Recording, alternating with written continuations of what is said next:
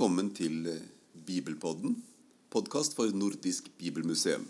Jeg heter Eirik. Jeg heter Rådas, og i dag skal vi snakke med Arne Pauls om hans prosjekt. Vi skal også se hva som foregår på Bibelmuseet, der Rune Arnhoff forteller om temautstilling med samiske bibler. Jeg står her sammen med Rune Arnhoff, dagleder i Nordisk bibelmuseum. De har nå en spesialutstilling på samiske bibler. Hva er det vi får se i dag her? Da får vi se eh, de eldste samiske biblene og de nyeste samiske biblene. Eh, vi kan starte med eh, nordsamisk, som er det samiske språket som over 90% av de norske samene prater. Og Der kom det en ny utgivelse i fjor. og Den kom akkurat for år, et år siden, 6.2. Og det var en digital versjon. Og så kom den i papirversjon i august også i fjor hvor det, da, hvor det var en utgivelse som foregikk i Kautokeino. Og den eh, Bibelen var et samarbeid mellom det norske, det finske og det svenske bibelselskapet. Og den forrige utgivelsen eh, på nordsamisk den var så langt tilbake som i 1895. Så dette var jo virkelig en etterlengtet eh, oversettelse. Så vi viste også frem 1895-utgaven eh, eh, i opptrykk som vi har fra 1910, Nytestamentet, og fra 1925. I tillegg så har vi også mange andre eh, gamle, eh, interessante samiske bibler. Vi har det første Nytestamentet på det sydlapska bokspråket, som det kalles. For det ble lagd et eget skriftspråk for å da utgi Bibelen på noe som var en blanding av sørsamisk og umesamisk, og den kom så tidlig som i 1755. Den har vi i samlingen vår. Det er noe av det som eh, vi viser i dag. Og også den første samiske bibelen, Gamle og Nytestamentet, som kom i 1811. En meget sjelden bibel som det er under ti kjente eksemplarer av, som vi har stilt ut her på museet, og som vi skal se på i dag. Så Det er noen av si, smakebitene og godbitene som vi skal innom på presentasjonen som vi har i dag. Det er vel sånn at Bibelen kom på samisk før den kom på norsk? Det er riktig, og det kommer jo av at eh, Norge lå under Danmark. Når det ble utgitt en bibel i Danmark, så gjaldt jo den også for Norge. Eh, Norge ble jo frie fra Danmark. Eh, vi fikk jo Grunnloven i 1814, eh, selv om vi da fortsatt lå til dels under svenskene. Og det norske bibelselskapet det ble oppretta i 1816. Og da begynte man å utgi bibler for Norge, og etter hvert på norsk også utover i 1800-tallet. Men eh, samene var tidligere ute, og det var da, som vi nevnte, allerede i 1755. Eh, I tillegg til spesialutstillingen på museet, så har dere andre ting som er verdifulle, verdifulle ting å se på? Ja, vi har jo de nordiske biblene, for det heter jo Nordisk bibelmuseum. Så vi har jo den første bibelen som kom i Norden. Det var den svenske Gustav Vasa-bibelen, som kom med så tidlig som i 1541. Og Ni år etterpå så har vi den første dansk-norske bibelen, Kristian 3.s bibel, som kom i 1550. Men ellers så kan vi jo by på en miniatyrbibelsamling med verdens minste trykte både Nytestamentet og Bibel fra henholdsvis 1895 og 1896. Vi har en, et eget monter med den mest trykte bibeloversettelsen gjennom tidene, men også den mest eh, trykte hva skal det, eh, enkeltutgivelsen av alle bøker. og Det er King James version fra 1611, og da i revisjoner etter hvert. Så da har vi et eget monter som forteller historien rundt den spennende utgivelsen. Og ellers så har vi også andre utstillinger. Hvordan man finner kunst i Bibelen. Eh, vi har jo en original Gutenberg-side. Den eneste som er stilt ut eh, i Norge. Så det er mye forskjellig å se på, og spennende å se på. Er det noe de besøkende kan gjøre uten å se på fine og gamle bøker? Ja, man kan jo ta en tur og besøke skrivestua vår. Og da har vi en rekonstruksjon av hvordan en skrivestue kunne se ut på 1200-1300-tallet, opp til 1400-tallet, hvor man håndskrev eh, alle avskrifter av Bibelen. For da fantes jo ikke trykkpressa. Så da kan man ta på seg en munkedrakt, og så kan man stelle seg på skrivepulten, og så kan man stå og skrive med fjærpenn på pergament, ekte pergament som vi har liggende der. Og så kan man jo ta selfie, eller man kan ta bilde av vennene sine som står der. Så vi har tre forskjellige munkedrakter som står der til permanent utlån.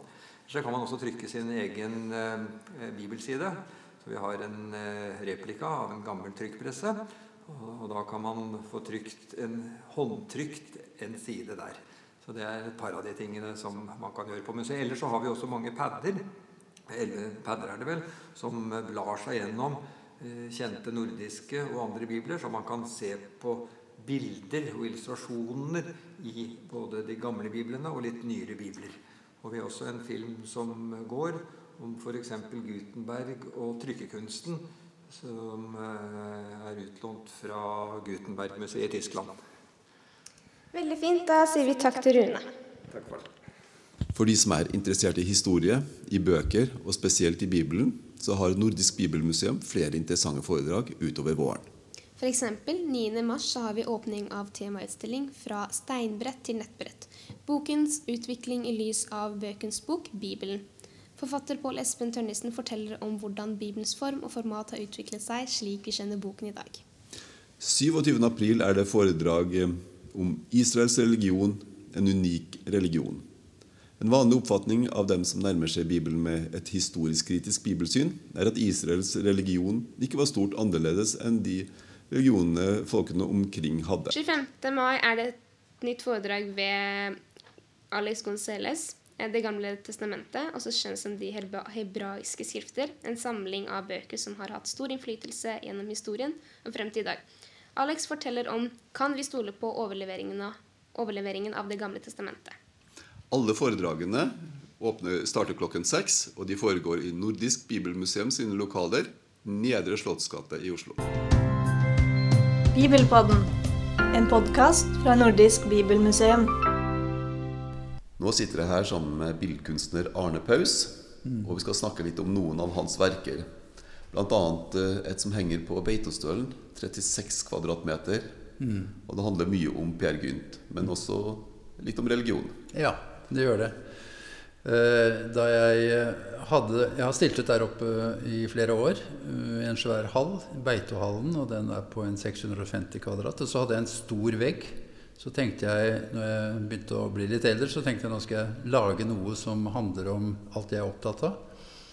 Og da er jeg inne på Munch, Vigeland, Ibsen, Bibelen. Og da har jeg prøvd å lage noe uh, som omhandler alt det i et stort bilde. Mm.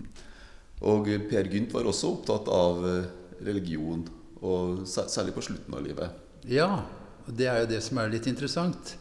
Fordi den slutten av eh, Per Gynt, der kommer han tilbake til sin Solveig. Og, og han er ganske desillusjonert. Og så sier han eh, Si meg du, hvor var jeg som den hele og sanne? Hvor var jeg med Guds stempel i min panne? Altså med Guds godkjennelse. Og så siterer hun fra 1. Korinter 13, 13. I min tro, i mitt håp og i min kjærlighet. Og da eh, tolker jeg det slik at dette er en omvendelse som Per Gynt gjør. For da legger han hodet i hennes fang, og så sier han 'du min eh, Hustru, du min mor, du min alt. Eh, og, og, så, og så, slutter stykket sånt. Ja, For omvendelse, sier du, for han hadde jo syndet ganske mye. Han skulle erobre verden og gjorde alt det gærne som folk kan gjøre. Nemlig. Og, og det som er interessant, er altså den kontrasten er der med den avslutningen. Eh, så, så folk gjenkjenner seg jo i alt det gale han gjorde. Og derfor liker de det, for det er noen som har gjort det verre enn oss selv. Eh, men, men, det man fornekter, og det er litt interessant ut fra den tiden vi lever i, det er det at eh, vi tar ikke med gudsbegrepet. Finnes det en gud, eller finnes han ikke? I dag er jo uh, det ikke moderne å tro på en gud. Altså, når jeg vokste opp, så, så, så var, det, var samfunnet veldig politisk. Men i dag så har det jo strømmet på med muslimer og all verdens troende, så, så, man er tvunget til å ta det opp igjen. Og da, da fokuserer jeg på Bibelen. Mm. Og forfatteren Henrik Ibsen han var også opptatt av bibellesing? Stemmer. i, eh, da han skrev både Brann og Per Gynt, så leste han veldig mye Bibelen. Og bodde i Italia. Mm. Og det kjenner vi igjen i hans, eh, hans produksjon. Ja, det er eh, en som heter Jørgen Haugan. Han har skrevet en tjukk bok om at man ikke kan eh, forstå Ibsen uten å forstå hans eh, religiøse bakgrunn. For, for man må huske på det at mm, Ibsen han vokste jo opp i et religiøst samfunn, og så har du Darwin, Nietzsche og Freud som kom på banen. Og så gikk det over til ateismen, eh, mens Ibsen han hadde altså en fot i den gamle tiden og en i den nye.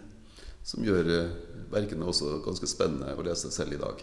Ikke sant? Det er en sånn slags skjæringstid hvor eh, Og det handler jo også om en frigjøring fra eh, det hykleriet som, eh, som kirkesamfunnet hadde stått for opp gjennom tiden.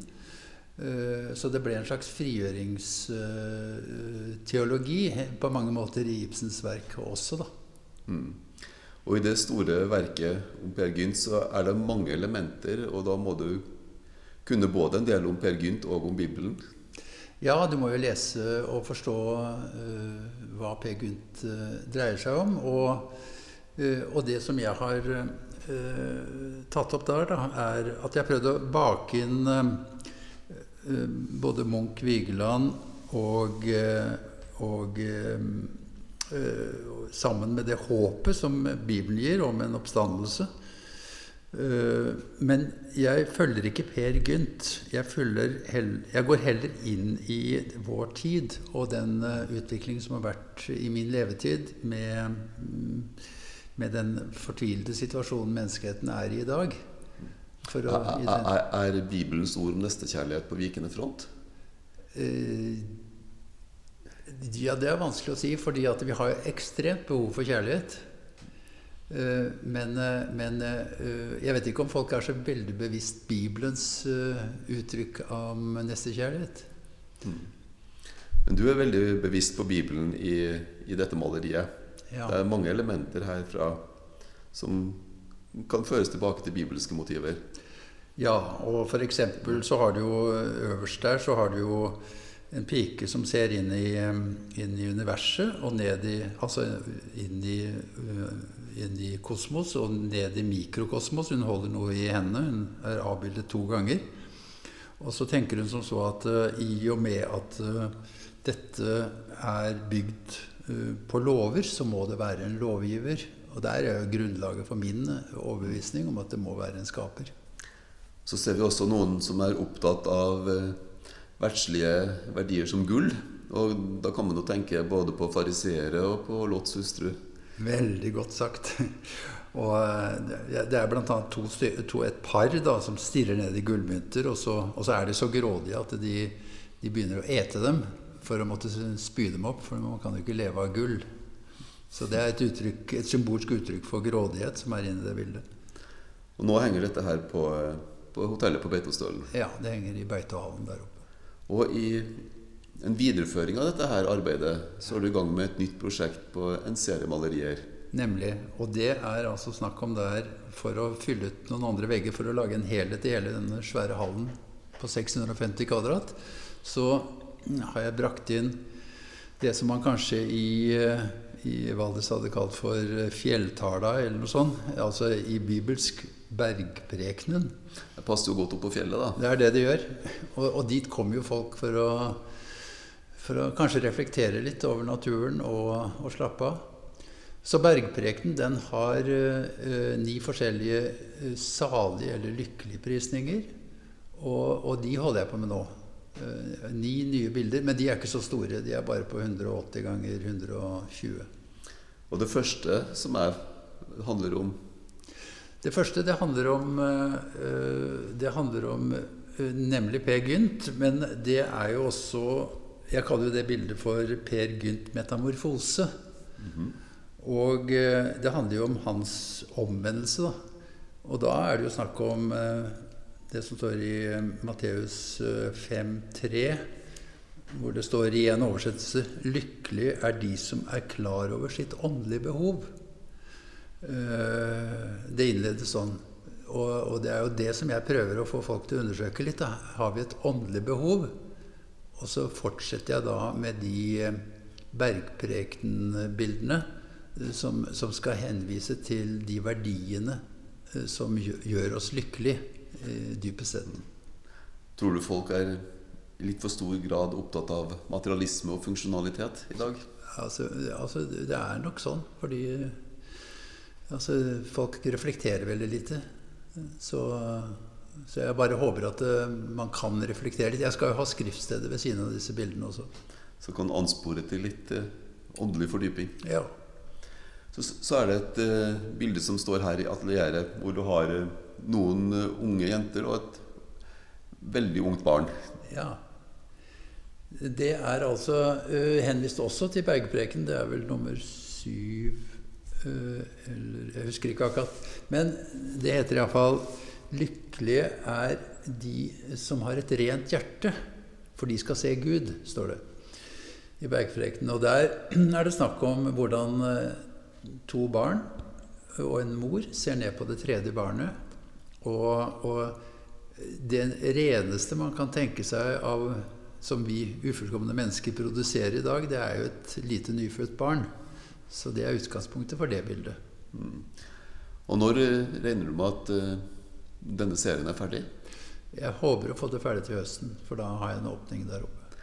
Så har vi fått litt hint om at det kanskje er mulig å få se disse bildene nede på vårt museum også? Ja, det er det jeg eh, hadde tenkt til. Hvis alt går i orden, så henger jeg opp bildene etter hvert som de er ferdige. Og så kan man komme ned der og se dem. Da ønsker vi lykke til med den produksjonen. Tusen takk. Det var det vi hadde for denne gang. Vi sier takk for oss og ønsker alle velkommen til vårt museum i Nedre Slottsgate 4C i Oslo. Bibelpodden, en podkast fra Nordisk Bibelmuseum.